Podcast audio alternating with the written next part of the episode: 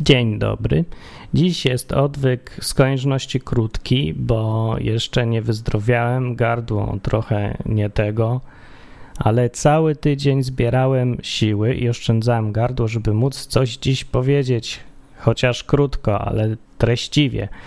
Więc ponieważ dzisiaj nie za bardzo mogę długich wywodów prowadzić, to postanowiłem coś krótkiego i fajnego. Dziś będzie lista przebojów.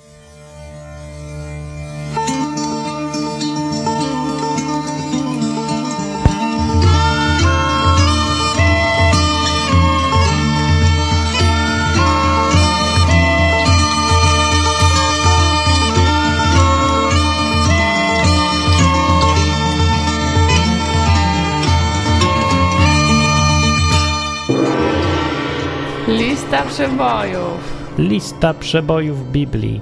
10 wybranych zupełnie subiektywnie przeze mnie e, najciekawszych, najbardziej ruszających mnie wydarzeń, historii, zdarzeń, jakie w Biblii są opisane.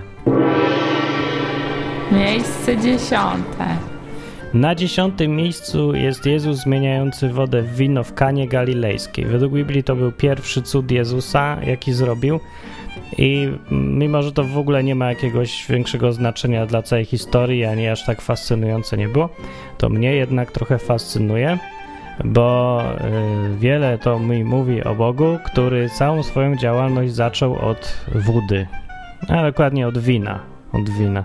Także żadne tam pierwsze, ważne, teologiczne rzeczy, jakieś wielkie, jakieś takie, o których można dyskutować. Nie, zwykłe wino, picie, picie ile wlezie, urżnijcie się wszyscy. To tak nie pasuje do obrazu powszechnego Jezusa antyalkoholowego, jaki jest w kościołach, że no się w pale nie mieści. No gdyby to nie był ten Jezus z Biblii, w tej kani galilejskiej, tylko ten wymyślony przez ludzi w kościołach, to by na pierwszą sugestię o tym, żeby, że wina nie mają, to by się oburzył i powiedział, co, co ja jeszcze mam zachęcać do alkoholizmu? To dobrze, że nie mają. Modlić się na kolana na tym weselu, a nie pić. Jeszcze mnie o to prosić o takie rzeczy niecne. No więc to, tego to jest na dziesiątym miejscu.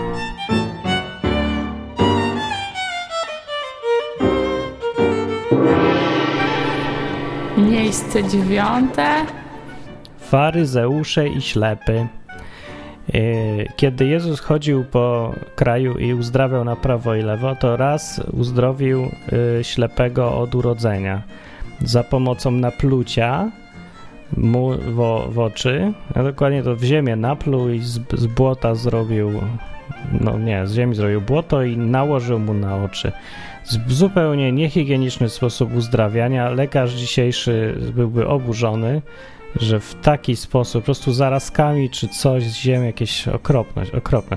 No ale gość zaczął widzieć i zrobiła się trochę chryja, bo wszyscy się zastanawiali wtedy nad kwestią Mesjasza i ktoś, kto uzdrawia ślepego od urodzenia, to było niesłychane. Nikt nie słyszał o czymś takim. Były jakieś tam uzdrowienia kiedyś, ale nie, że takiego, co się urodził ślepy. No i wtedy faryzeusze, jak w skrócie jest napisane, to chodziło o, o tych, co tam rządzili wtedy. No taki rodzaj teokracji był trochę. No więc Rada Starszych, faryzeuszy głównie, wzięła go na przesłuchanie, tego ślepego. I ten ślepy okazał się kompletnie głupi. No, w sensie taki, że zupełnie nie umiał się zachować i oni go pytali.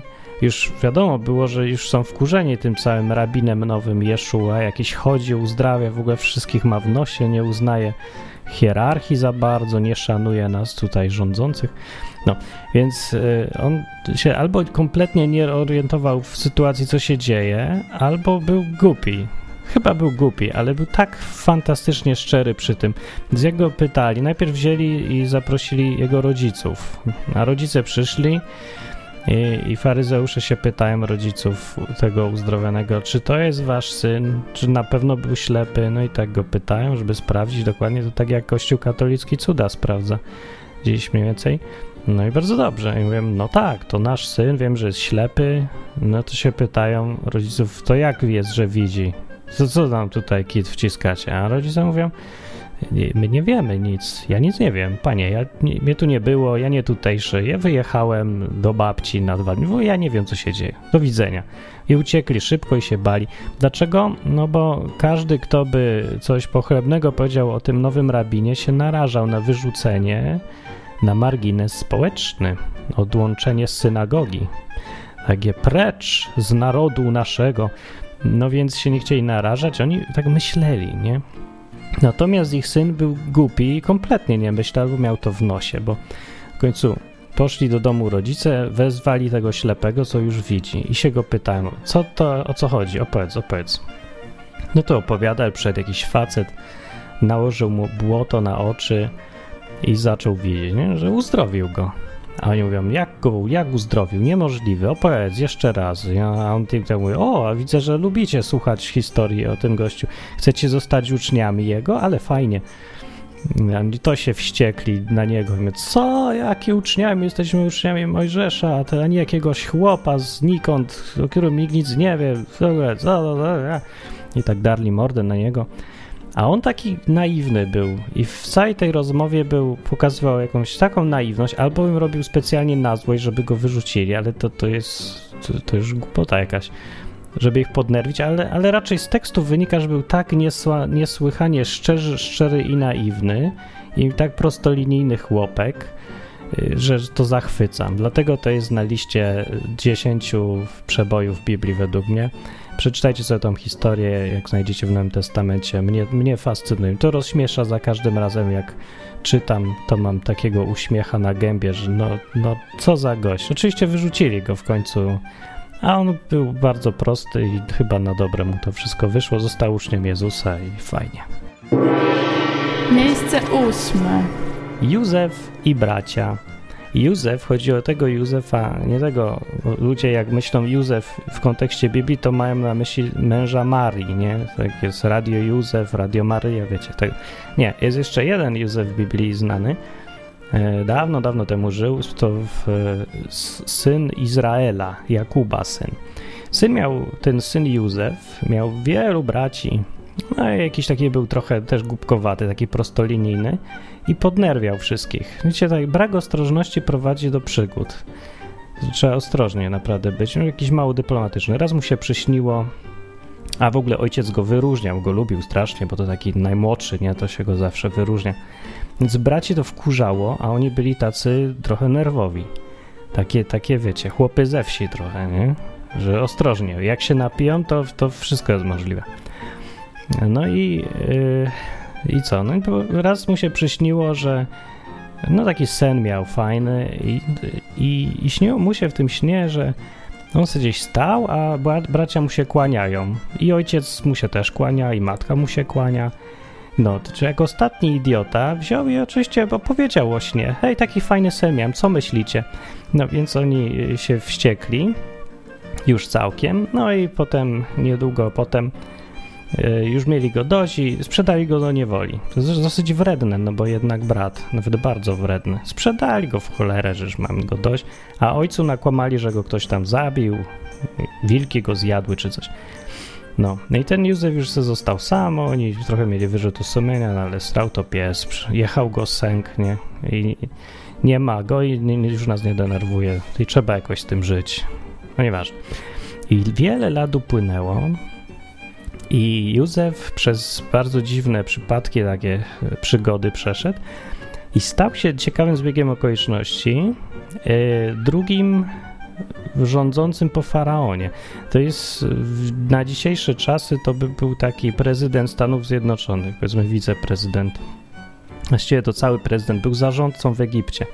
W tamtych czasach, bo miał takie sny prorocze i coś tam, no więc to mu dało przewagę, przewagę w sytuacji życiowej. Taka wiedza, wiecie, tajemna.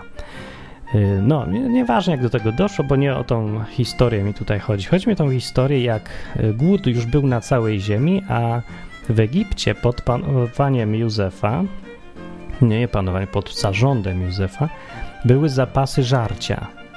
I te zapasy żarcia sprawiły, że Egipt po prostu rządził wszystkim dookoła, no bo tylko u niego jest żarcie, prawo popytu podaży, wiadomo, ceny takie, że się w pale nie mieści, więc kupił sobie cały świat po prostu ten Józef. No i jego bracia raz przyszli, no też nie mieli co jeść. No przyszli po trochę coś sprzedać, kupić, zahandlować. No. E, no i on ich poznał, a on był wtedy no, e, panem życia i śmierci, jak tylko u niego jest jedzenie. Ale oni go nie poznali. On już tak po egipsku trochę wyglądał i w imię miał egipskie i w ogóle wszystko egipskie. Już mu się tam spodobało.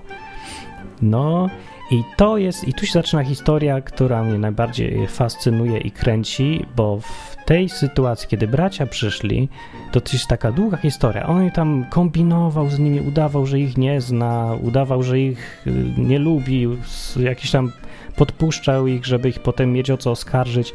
I przy całej tej historii widać, Chociaż to jest bardzo nieumiejętnie napisana ta historia, takie suche fakty, ale widać po tym, jak postępował, że Józef cały czas walczył między chęcią zemsty i odwetu nad braćmi, że daj im teraz w dupę tak, jak oni mu dali, że się zasłużyli na to i powinni, a tym, że to jednak bracia są. I miał ochotę ich wszystkich przyznać, że to on, przeprosić, przytulić i pogodzić się raz na zawsze.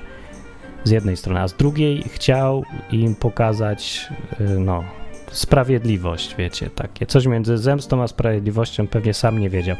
Ale to ludzkie zachowanie jego, to takie e, taka niespójność w postępowaniu, że tu ich oskarża, tutaj ich aresztuje, tu jednego brata zostawił, żeby po ojca jeszcze poszli. To tak z jednej strony chce im dać w dubsko, a z drugiej strony ich chce się z nimi pogodzić. I ta to jest natura człowieka, pokazana w tym jednym opowiadaniu, jak człowiek potrafi być rozdwojony wewnętrznie i robić takie sprzeczne ze sobą rzeczy. To jest e, ta znajomość natury człowieka, jaka jest w tej historii, mnie fascynuje i w ogóle, no, ja lubię historię i to konflikt jest siłą napędową dobrej historii, więc fajny film by był pewnie z tego, albo kilka. Jedna z najfajniejszych historii, jakie ja lubię, pełna emocji różnych, e, takich fajnych zwrotów akcji, zakończenie fajne. W ogóle super, no. Miejsce siódme. Gimbusy z Gibea. No tak ich nazwałem, to nie byli gimbusy, tylko po prostu bardzo wredni ludzie, którzy lubili imprezować. Mieszkali w Gibea, było to za czasów sędziów w Izraelu, jak była taka e, raj libertarianizmu. Nie było władzy, nie było władcy. Wszystko było takie jak w internecie trochę. Yy, króla nie było, nikt nie rządził, każdy robił co chciał. No i minusem tego było, czy plusów było bardzo dużo, ale minusem było tego, że w Gibea e, akurat tacy rozrywkowi bardziej ludzie się znaleźli była jedna historia, że przyjechał tam facet no i jeździł tam ze swoją jakąś tam panienką, osłami, czymś, nie, nieważne, coś tam załatwiać miał. No i, w, i zaprosił go y, jeden gospodarz, mieszkając jakiś tam dziadek, bo, no bo coś tak, y, on mówił, żeby nie nocować tutaj, na, na, na, na zewnątrz, bo coś, coś, tu nie powiedział dlaczego, ale bardzo nie chciał, żeby facet z kobietą nocowali na zewnątrz. I yy, no, no dobra, weszli do domu i za chwilę pukanie i przychodzą te gimbusy. I gimbusy y, zaoferowały, że y, będą, że chętnie go zgwałcą, tego pana. Prawda? A jak nie, to, jest, to jak się nie zgodzi gospodarz, to i tak to zrobią i w ogóle. No więc jakoś takie mieli dziwne pomysły trochę i raczej wredne. Nie, nie wiem na, co, co, na czym polega ta impreza i zabawa w tym, ale bardzo się chcieli bawić kosztem innych. I gospodarz, jako że no, gość to jest rzecz święta w domu, a wyjścia nie ma, no po prostu nie miał co zrobić już wyraźnie i w tej desperacji powiedział, zaoferował, że zamiast tego chłopa, no to może jego kobietę chociaż wezmą i jeszcze swoją córkę chciał dać, to nie dobra, weźmiemy tą panią.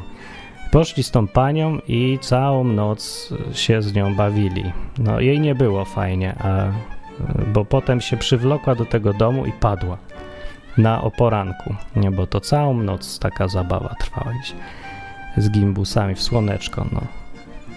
Więc ten chłop, jak ją zobaczył, to jest opisane bardzo sucho, same fakty. Znowu nie ma co czuł, nic, to się można tylko domyślać. Więc zabrał ją i zdaje się, że padła martwa gdzieś już po drodze, albo od razu, nie wiadomo, bo ją wziął i pociął na 12 kawałków. Normalnie jak film yy, ten, jak się nazywa, ten Milczenie owiec, Hannibal Lecter, czy no nie wiem. Więc pociął ją i rozesłał te 12 kawałków, ja nie wiem na przykład jak on je opakował. Nie wiem, jakby dzisiaj to rozesłał. 12 kawałków swojej kobity wziął i pociął. I rozesłał do wszystkich pokoleń Izraela z opisem historii. I, no i było, zrobiło to wrażenie, iż doprowadziło do wojny przeciwko tym gimbusom z Gibea. No, to jest jedna z historii, które są najbardziej masakryczne, niesamowite historie z Biblii. Po prostu, no, noż masakra, jak ludzie potrafią być wredni. To nie mówię o tym facecie, co ją rozciął, bo, bo to już, już była reakcja. Ale to, że przychodzisz do kogoś jako gość, to w całym, na całym świecie to była rzecz nietykalna, jak poseł po prostu. Y, I, a oni chcą cię wszyscy, prawda, tego. A potem biorą jakąś jego kobietę i sobie na prawo i lewo tamtego. I to całe miasto, nie, nie że to jakaś grupka, całe miasto było zdeprawowane. Nikt ich nie powstrzymywał. Tylko jednostki jakieś, jak ten gospodarz właśnie. Do jakiego stopnia ludzie potrafią być e, zdeprawowani? Yy, historia też pokazuje, że, że, ludzie tacy po prostu są. Ja nie sądzę, że to w tamtych czasach, bo czasy inne sranie tam. Ludzie są ciągle ci tacy sami. Kwestia warunków. Jakby dzisiejszych ludzi przenieść do tamtych czasów, nie sądzę, żeby inaczej robili.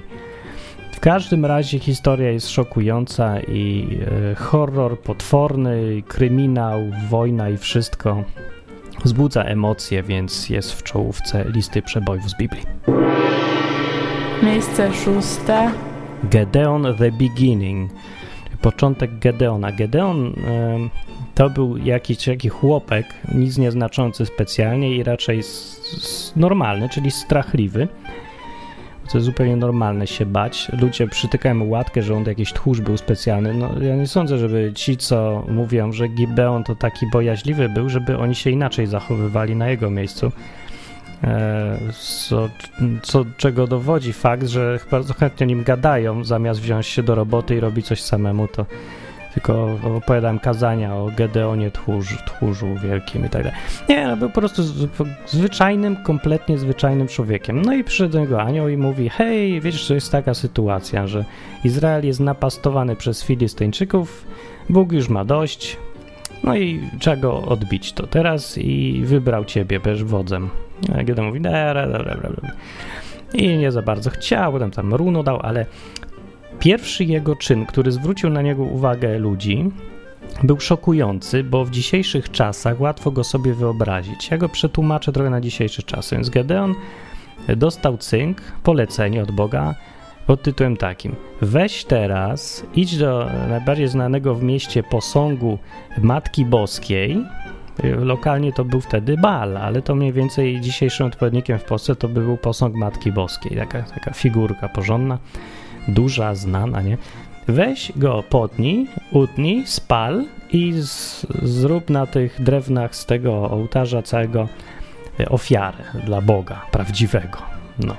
Jest takie kontrowersyjne i e, jak się to mówi, takie e, no, że wyzwanie rzucił im, że mówi, że teraz to już nie będziemy negocjować, to jest, jedziemy ostro. No, Gedeon, jak to człowiek y, normalny, się lekko bał, ale jednak to zrobił. Z tym, że w nocy, a nie na oczach wszystkich w środku dnia w południe. Może sobie ciężko wyobrazić, że jakby ktoś teraz wziął, wziął 10 osób, poszedł w samo południe do figurki Matki Boskiej, zaczął rąbać przed kościołem jakimś tam wszyscy niewierni fanatycy Radia Maryja i w ogóle zwykli ludzie też. No i w każdym razie zrobił to i rano patrzą chryja, nie ma posągu super Matki Boskiej, przenajświętszej, najsłynniejszej. I śledztwo. Zrobili śledztwo, patrzą Gedeon. No, no to jedziemy teraz na, z widłami na niego. Ale miał mądrzejszego ojca, ten Gedeon, i ojciec mówi tak. Coście pogupieli? Dlaczego będziecie bronić teraz posągu Matki Boskiej? walczyć za niego. Niech ona walczy o sobie, to jest jej posąg, nie? Jest Bogiem, jest Bogiem, to niech se walczy sama o siebie. No, to jest jak mniej więcej argumentacją. I oni się tak podrapali w głowę i stwierdzili, że walczenie o posąg yy, no jakoś jest obraźliwe dla tego posągu chyba, bo rzeczywiście oznacza to, że ten posąg sam siebie jest jakiś głupi, bezsilny, strasznie słaby i żałosny. Jeżeli trzeba o niego walczyć, to on miał walczyć o nich. No taka jest zasada, nie? Że to tak jakby jak idzie król Jan Kazimierz do Częstochowy y, modlić się do, do Matki Boskiej obraz, Obrazowskiej w sprawie y, na przykład powstania Chmielnickiego, no to on uważa, że ten obraz jest silniejszy niż on sam. Więc jeżeli by teraz się okazało, że ktoś rozwalił ten obraz, a on walczy za obraz, no to jaki to sens w ogóle jest? By udowodnił, że obraz jest słabszy, więc po jakiego wała się do niego modlił. Więc postawił w takiej sytuacji ojciec Gedona wszystkich i to jest dosyć szokujące. I oni to kupili. Powiedzieli, dobra, dobra, niech będzie. To my cię nie będziemy zabijać teraz? Niech cię zabije ten posąg. Święta Matka Boska, tamtejsza lokalna, niech ona cię zabije. No, z tym, że to był bal wtedy, no wszystko jedno, no. posąg jest posąg. Tylko się imiona zmieniają. Koncepcja to są. No i no, Balgo niestety nic mu nie zrobił, e, za to Bóg całkiem sporo, ale taki był początek tego i ta historia jest e, dla mnie zawsze, lubię ją czytać, dla mnie to jest przebój, bo wyobrażam sobie zawsze, jakby to w dzisiejszych czasach wyglądało i podejrzewam, że może podobnie. I byłoby to, e, jest to jeden ze sposobów, w jaki sposób, w jaki dziwny sposób można czasem, no, nie dać się fanatyzmowi, tylko go sprytnie odwrócić przeciwko niemu samemu, nie? bo to był jakiś taki sposób wystąpienia przeciwko fanatycznemu yy, w tamtych czasach e, kultowi Bala. Takie dzisiaj fanatyczne kulty są czego innego, ale no, jest to jakaś, ale taka no, równoległa historia trochę. Miejsce piąte. O tym, jak święty Paweł stał się Bogiem. To jest historia z dużo później, już z czasów Rzymu. Apostoł Paweł podróżował sobie i nawracał ludzi na chrześcijaństwo. I poszedł do miasta Listra e, z Barnabą, też taki kolega, nawracacz, i chodzili i opowiadali, no Jezus to, Jezus tamto. W którymś momencie wpadło im do głowy, a uzdrowimy se kogoś. No tak naprawdę to nie im. No Bogu wpadło do głowy, że chłopy, uzdrowię tu tego człowieka, bądźcie gotowi. No i powiedzieli, o, jesteś uzdrowiony w imieniu Jezusa. Powiedzieli i on wstał i zaczął chodzić. Jak się ludzie wszyscy zorientowali, że był autentyczny cud, widać nie było tam dużo cudów, to dawaj ich na ręce i przynosić im różne rzeczy i krzyczeć, że ja, bogowie przyszli do nas, uzdrawiają ludzie. Co się tam działo? Całe miasto wyszło. I Paweł z Barnabą, z Barnabą ogłupieli trochę, bo wątpię, że się tego spodziewali. Się bardziej spodziewali, że kamieniami ich będą tam przeganiać, jak to zwykle. A ci nie, bogowie. I nazwali, że y, Paweł jest, że Barnaba jest Zeusem w ogóle, y, a Paweł Hermesem, bo Paweł gadał więcej, a Barnaba siedział cicho. To tak odwrotnie, że ten, kto gada, to jest posłańcem, a ten, kto siedzi za nim, to jest tym, tym ważniejszym. No więc Barnaba stał się Zeusem. Nie wiem, co na to Barnaba, ale ogólnie to zrywali włosy z głowy. Ludzie, co wy robicie? Porąbało was. A ci wzięli jakieś już woły i chcieli ofiary im składać. Normalnie zabić woła i tak na ofiarę dla Pawła i Barnaby. Także takie wrażenie zrobili na ludziach i prawie, że zostali Bogiem. No jedna z historii, super historii w Biblii. Po prostu jak sobie to wyobrażam, to aż bym chciał tam być i zobaczyć. Miejsce czwarte. Miejsce czwarte. Dawid kontra Goliat. No, o tym już chyba mówiłem w odcinku, ale historia jest z wielu powodów fascynująca, bardzo znana. Dawid Kurdupel pokonał 2,5 metrowego Goliata, co miał po 6 palców i w ogóle duży, ciężki czołg taki, nie? Więc yy, gdyby to była gra RPG, to to jest absolutnie niemożliwe ale w rzeczywistości jest możliwe. Dajt był e, pewny siebie bardziej i, i, mu się, i miał dużo szczęścia może. Ale cała ta historia, najbardziej lubię tą postawę Dawida w tym, bo Dawid ma postawę takiego wiejskiego głupka, co kompletnie ignoruje realia. W ogóle rzeczywistość, ja gadam rzeczywistość, co mnie obchodzi rzeczywistość? Ja wierzę w Boga, a rzeczywistość mnie nie interesuje. Przynajmniej takie wrażenie trochę to robi.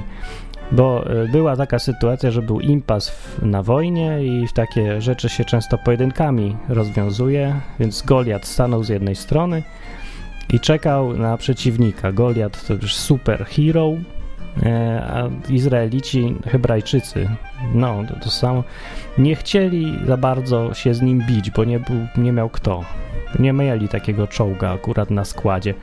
Więc Dawid Kurdupel patrzy i słucha, jak ten Goliat ich wyzywa, tam bluzga. Że ich bluzga to by sobie tam poradził, ale bluzga na Boga, a on już, on lubił Boga, on strasznie lubił tego Boga. I mówi, nie, no to, to się w pale nie mieści. No i zapomniał w ogóle o rzeczywistości, że fajnie, fajnie, my się tutaj teraz będziemy podniecać, że o, bluźnierstwo, a jak tak można krzyczeć o Bogu. Ktoś musi coś zrobić. No, wszyscy tak nie mówili. A, no, no dobra, ale co zrobisz? No, no co zrobisz? No jak ci stoi taki Goliat? No, no daj, no jak idę, pójdę i go zabiję. No, bo to, to jest jeden gość, co nie, nie rozumiał nic, nie wiedział, że coś jest możliwe albo niemożliwe, po prostu pójdę i to zrobię. Tak jak mówi przysłowie, znajdź kogoś, jak coś jest niemożliwe, to znajdź kogoś, kto o tym nie wie i on przyjdzie i to zrobi. No, to znajdź Dawida, i w końcu z jakiegoś tam ciekawego powodu zapewne knuli coś. Y, król Saul, co wtedy był dowódcą wojsk izraelskich, z dowódcami zgodzili się, że dobra, idź. Nie wiem, że odwrócić uwagę chcieli, czy co, a tam z dywersję szykowali, no nieważne. E, no więc go chcieli uzbrajać, a Dawid, więc dali mu zbroję, miecz, coś tam. Dawid utonął w tej zbroi, w ogóle chodzić nie mógł, miecza nie mógł unieść. I pieprzą tym o ziemię i mówi, nie, ja, ja nie umiem w tym chodzić. No, nie, dzięki bardzo, ja pójdę z, z niczym. Pójdę na czołg. Z szablą na czołg po prostu. No, Dawid tak naprawdę nie był tak kompletnie nieprzygotowany znikąd. On był całymi latami przygotowywał się do tego wydarzenia. E, był prorocnikiem i to dobrym z opisu widać, chociaż to, to jest dalej pierońsko ryzykowne stawać do walki mając tylko proce. To były bardzo e, dokładne e, narzędzia wojny, bronie. Widziałem kiedyś film dokumentalny i widziałem jak ludzie z takiej procy ciskali naprawdę bardzo dokładnie, jak z łuku. Więc można było, chociaż no było to, mówię, ryzykowne. Więc wziął se kamienie, wziął proce, kija, poszedł. No, to ogólnie tam dalej, wiadomo, wygrał, trafił go gdzieś w oko, położył go, leżał, Goliat, uciął mu łeb własnym mieczem. I ogólnie jak już się wie, jak to się robi, to to się wydaje proste. I sobie myśli, rany, czemu nikt wcześniej na to nie wpadł? Wystarczyło jeden gość z łukiem czy czymś, znaleźć dziurę w zbroi, trafić. No tak, fajnie się mówi, ale zrobić to to jest co innego. Więc Dawid z tym brakiem realizmu, bo nie był wcześniej na wojnie, tylko tam se radził z niedźwiedziami czy czymś, on był taki, taki gość, co nic nie wie, no i to jest jego największa przewaga. I to mnie fascynuje w tej historii najbardziej to, że im więcej wiesz, im więcej masz doświadczenia w życiu, tym gorzej naprawdę dla ciebie, bo się boisz. I ten strach cię powstrzymuje przed robieniem rzeczy różnych, przed szukaniem rozwiązań, które są oczywiste dla kogoś, kto nie wie, kto nie ma doświadczenia. To straszne jest, bo najlepiej y, wychodzi y, być takim gościem, co w ogóle nie zauważa rzeczywistości trochę. On przyjdzie i to zrobi. Z drugiej strony miał tam jednak sztę realizmu. Wiedział, że może wygrać, tylko po prostu w zupełnie inny sposób. Jest szansa, jest trudno, jest nie wiadomo, ryzykowne. Ale to fajne połączenie jego cech Yy, I przede wszystkim ta straszliwa pewność w to, że Bóg jest realny i faktycznie pomoże, to jest coś, co jest najbardziej fascynującego chyba w tej historii. Więc dlatego na liście przebojów mojej historii z Biblii jest Dawid z Goliatem.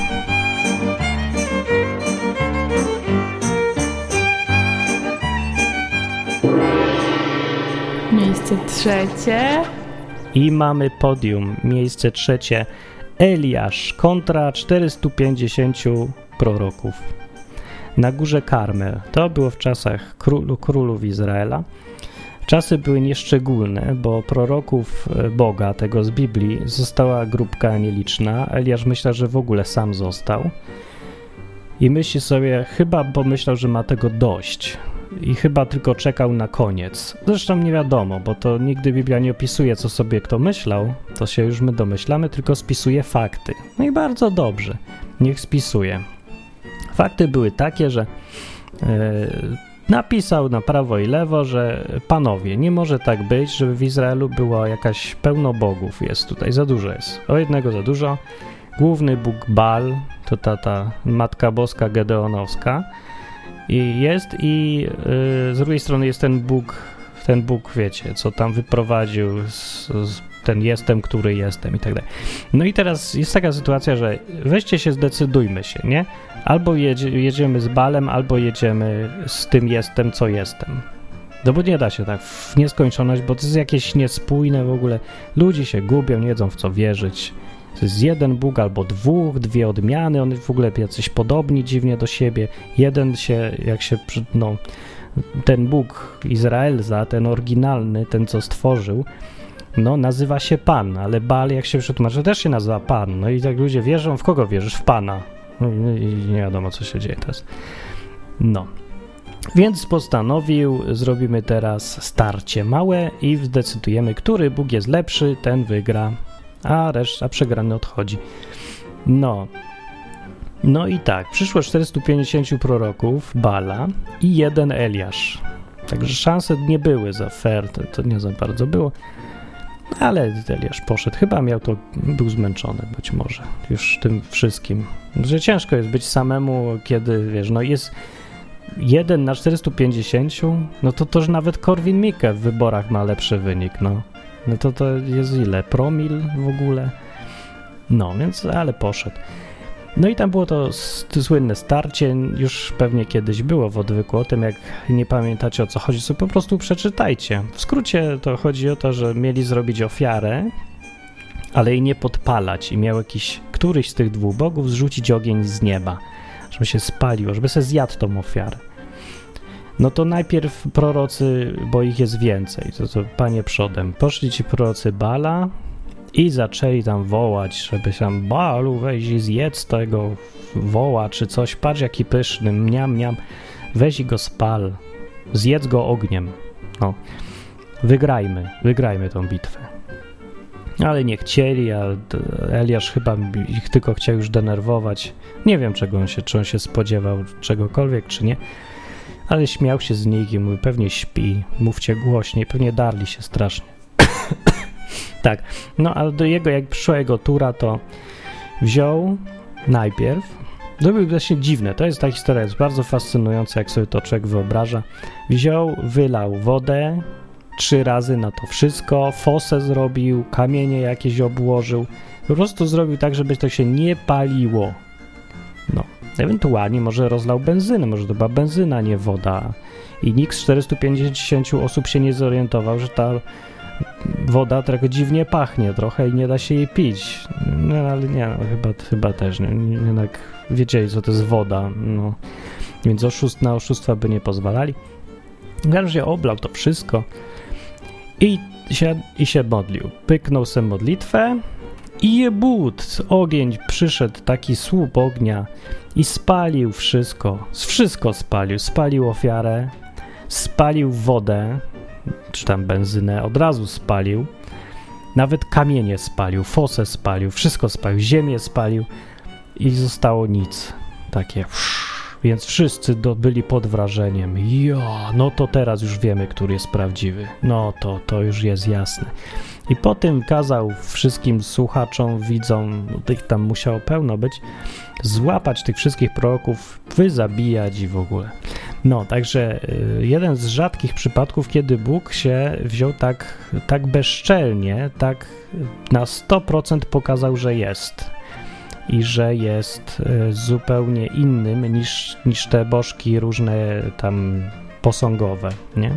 Co tam trzeba ich nosić, bo same, żeby spadły, bo nawet kroku nie zrobią. No, więc wziął i zjadł. To wszystko, łącznie z kamieniami. Także bardzo fajne i ta scena jest pełna taka, że człowiek się czuje wow, wow, ogień z nieba, ja. Tak naprawdę to by człowiek umarł ze strachu, jakby to zobaczył.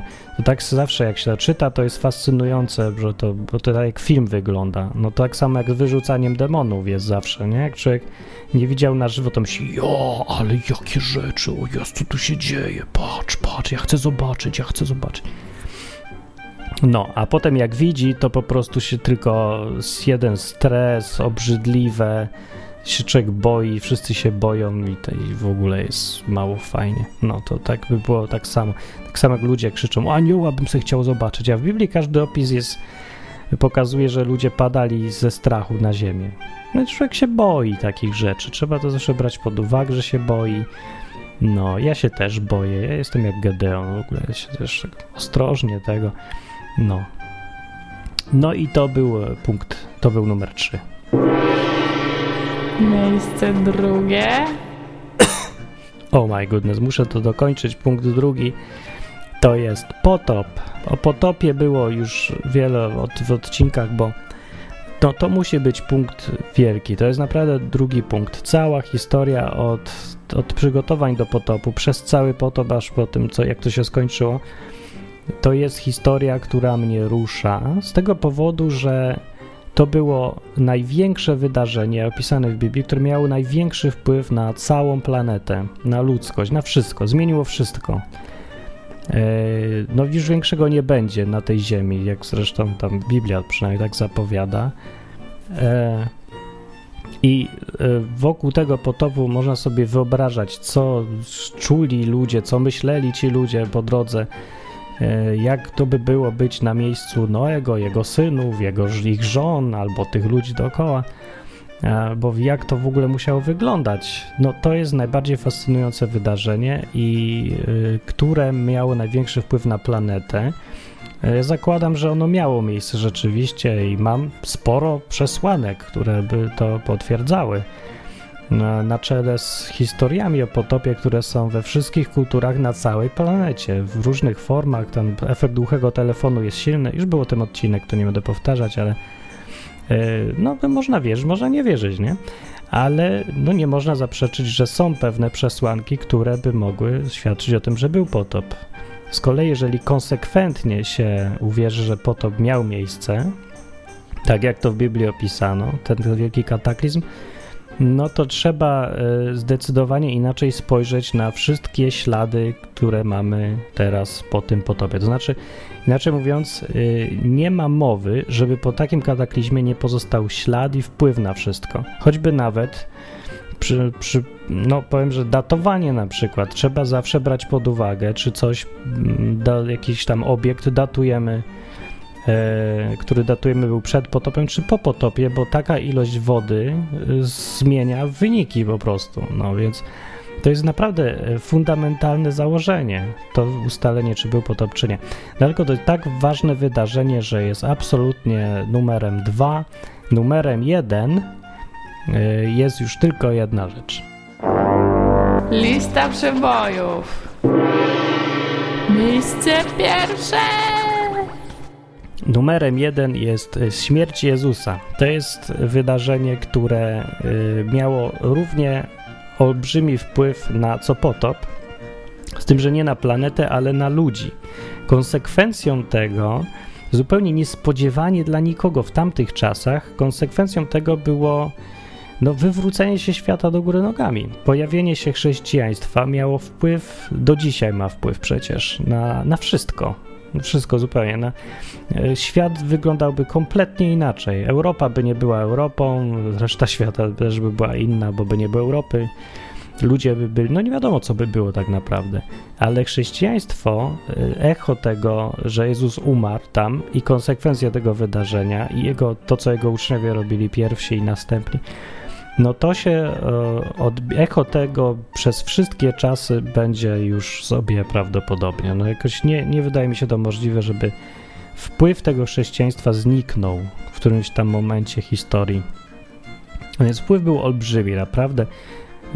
Jeden dobry, drugi zły, różne były w konsekwencji, ale było to strasznie ważne wydarzenie. Ale nie tylko dlatego to jest numer jeden na tej liście. Dla mnie to jest przebój, dlatego że to jest najbardziej, najlepsza historia o najlepszym scenariuszu, jaka istnieje w ogóle. Jaką wymyślono? Najbardziej epicki scenariusz wydarzeń.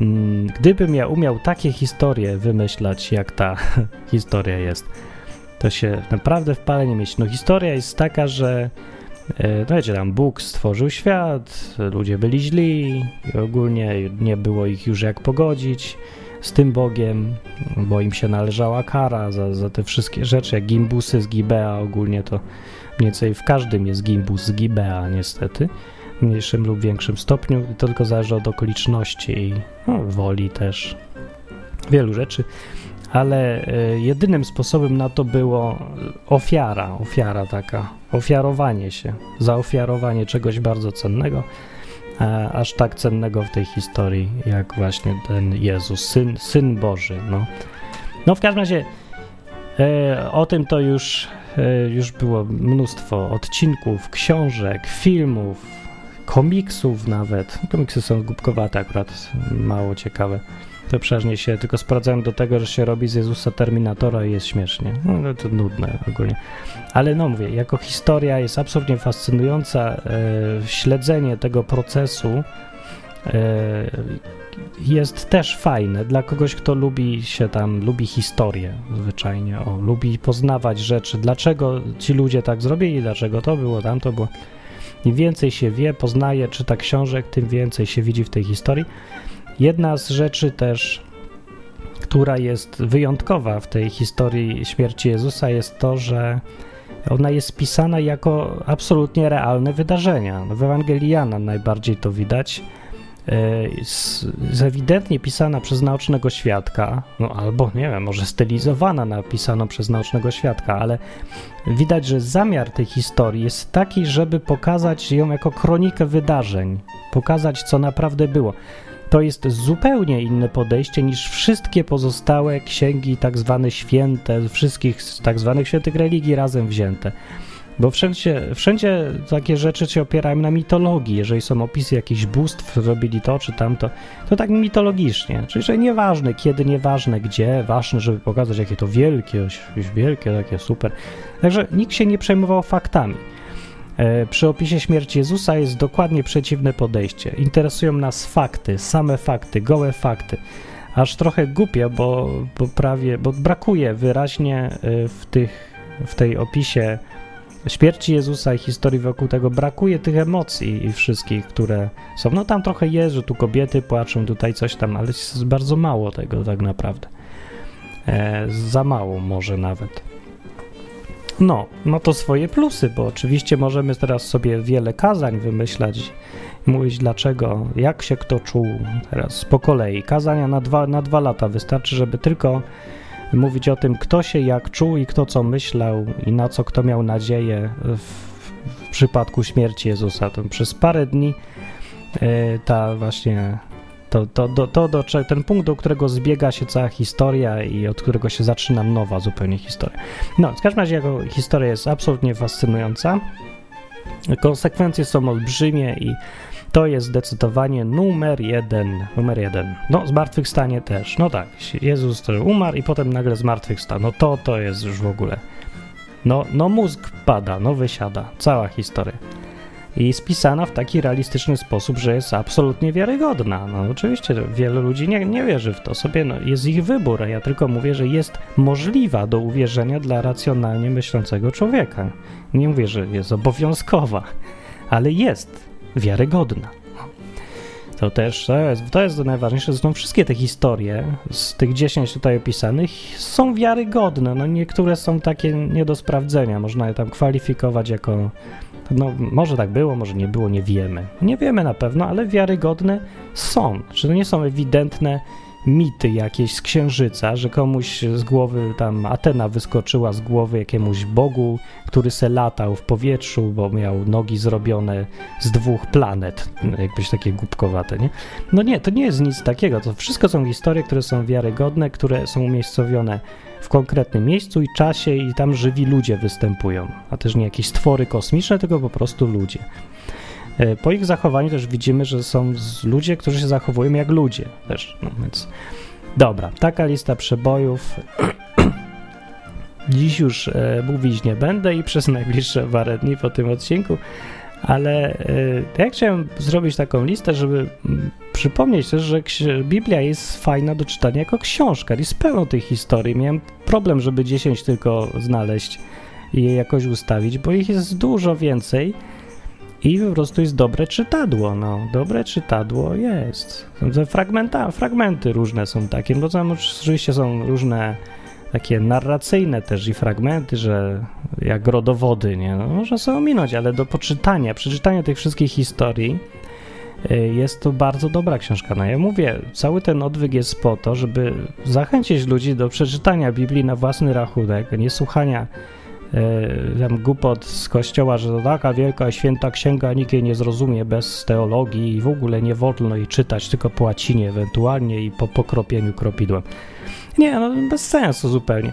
Można ją poczytać, czytać na wiele, na, na wielu poziomach. No, lepiej taki podstawowy poziom, dosłownie przeczytać to jako historię, no poznać tą historię, te historie różnych ludzi przez, w różnych czasach, spisywane też przez różnych ludzi, bo zwyczajnie jest ciekawe i robi wrażenie i działa na wyobraźnię. No, Także z tym zostawiam i polecam i idę zdrowieć z tym gardem, z tragedia, bo wszystko co, większość które, rzeczy, które robię w życiu e, jest związana z mówieniem, a jak nie mam głosu, to mnie praktycznie nie ma. Mogę jeszcze tylko pisać, ale za tydzień chyba już będę na chodzie i będzie normalny odwyk. To dzięki za słuchanie. Jak chcecie, żeby odwyk żył, trwał, to rzućcie czasem co łaska na tacę e, i dajcie linka innym. E, i komentujcie. Może masz inne zestawienie listy przebojów z Biblii, własną listę, to pisz w komentarzu. No i tyle. Dobranoc.